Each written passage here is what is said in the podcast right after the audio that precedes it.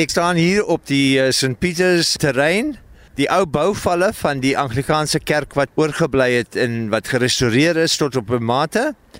En ek moet net vir julle sê dit is die mees fantastiese uitsig wat ons het. Daar sien ek die uh, vuurtoring wat op die donker is en ek sien die vlagpaal. O, oh, en ek sien ook die Anglikaanse kathedraal St Mary's, maar ek sien ook die kathedraal St Augustine's van die Katolieke Kerk. En daar sien ek die toring van die uh, stadsaal en die toring van die eerste poskantore. En dan gaan ek net so 'n bietjie regs en dan sien ek die uh, Campanile uh, wat gebou is natuurlik vir die uh, 100 jaar van die Britse settlers wat hier gekom het in 1820. Maar dan so in die agtergrond, daar kan ons die ander hawe sien van Mwaga en daar kan ons ook al die sandduine sien, die Alexandra sandduine. En dan hier regs voor my is die hele hawe wat o, oh, absoluut pragtig. Jy kan alles sien wat in die hawe is. En ons kyk oor hierdie lieflike baai, die Nelson Mandela Baai, die grootste natuurlike baai in Afrika. Ons staan hier nou op die perseel um, in Engels bekend as die St Peter's Church Precinct in Tony Neveling, 'n toergids van Nelson Mandela Bay, is nou hier om ons meer te vertel. Tony, hoekom het die kerk in onbruik geraak? Ja, ons moet so 'n bietjie teruggaan in geskiedenis want hierdie kant van die Bakensrivier waar ons nou staan in South End was altyd bekend as die plek aan die ander kant van die rivier. Vandag is daar net kanale hierso wat die water afloop en uh, daar is geen teken dat ons 'n boot nodig gehad om oor te kom nie. Nou hierdie kant, dit is waar die Maleiers wat in 1845 saam met die Nederlanders opgetrek het hiernatoe en hulle hulle self gevestig in wat uh, altyd Strand Street was. Vandag is dit Steve Biko Straat. En hulle was daar totdat uh, hulle nou verskuif is in aan die kant van die rivier waar ons nou staan wat South End is. En natuurlik daar was geen skool hierso vir die Malayer kinders nie. En die priester hier, die plaaslike priester, hy het 'n skool begin in 1860. En toe besluit hulle nee, hulle het nou nodig om 'n kerk hier te vestig. En hulle toe die St Pieters Kerk is die susterskerk van uh, St Mary's wat die Anglikaanse kathedraal is hierso. In 1878 het hulle weggebreek van uh, St Mary's af en hulle eie kerk geword. En dis hoe hierdie klein kerkie bestaan het. In alle nasies van South End het hier bymekaar gekom en daar was geen probleme hier nie. Maar toe na die gedwonge verskywing van mense wat gebeur het in 1950 toe die wet bepaal het dat mense van verskillende nasies nie by mekaar mag uh, woon nie, maar hulle het dit eers toegepas in 1963.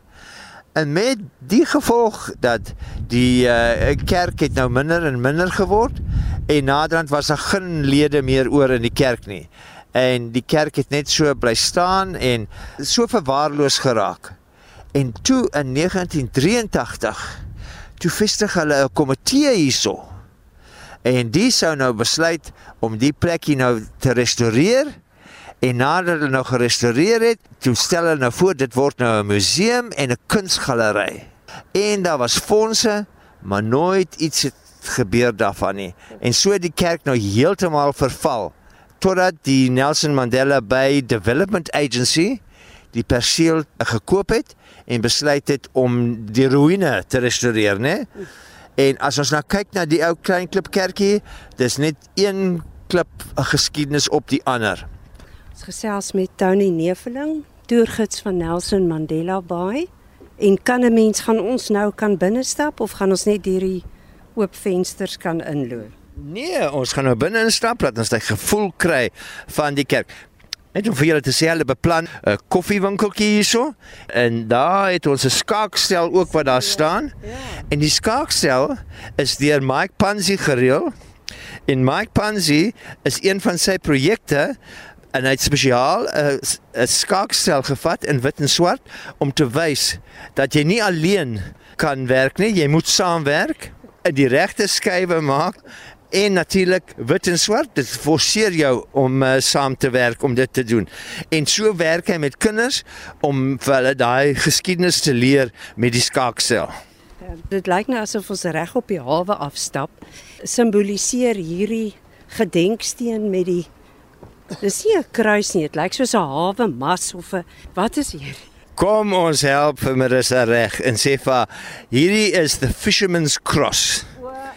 En dis wat dit bekend gestaan het want dit was 'n baken vir al die vissermanne om terug te kom uh, na die baai toe. Maar wat hier staan vandag is heeltemal nuut want oorspronklik was daar 'n kiaatkruis hierso van uh, 12 meter. Die oorspronklike kruis is uh, nou in Parkside by die Katolieke kerk daar. En hier voor hierdie fisherman's cross soos wat dit uh, bekend staan is die woorde we will only be forgotten when others cease to remember. Maar die oorspronklike woorde wat onder die kruis was was it is better to serve than to be served. En hier om die storie van Suidende vir ons te vertel, is al hierdie mosaïeke wat vir ons vertel van wat gebeur het en hoe die mense verskuif is en dat dit vissermanne was en intussen sien ons die dit wys ook vir ons van die apartheid wat wat plaasgevind het. Wys ook vir ons die visse wat hier beskikbaar is in die baai. So is daar baie baie geskiedenis wat hier vertel word. Dis pragtig hierdie kunswerk. Dit is nogal iets om te sien, maar kan 'n mens fisiek self in die ou kerkie ingaan? Ja, ons gaan nou direk daarin loop, ons net 'n bietjie om omloop, né? Goed. Die tragiese storie hier is dat in die tyd toe al hierdie mense verskuif is, toe het hulle ook kerke verskuif. Daar is 12 kerke wat afgesloop is omdat hulle nie blank was nie. Die enigstes wat oorgebly het, was die twee moskeeë en die tempel van Shiva, die Hindusse tempel. En natuurlik hier waar ons staan, hierdie kerk was nooit heeltemal versloop tot op die grond nie, maar hy is gelos om self uh, weg te gaan. Van die houtrame sit nog in die uh, vensters uh, in. Maar die gras groei oralste hier aan die binnekant en dit is tragies. Nou kom jy hierso, nou nou bring jy mense hiernatoe wat hier getroud is, wat hier aangeneem is, wat hier gedoop is, dan sien jy die trane rol en dan wil ek ook begin huil. Goed met Tony en dan mense wat na jou praatjie nou belang sal stel om hierdie ook te beleef. Is die toegang gratis? Wat is die reëling rondom dit?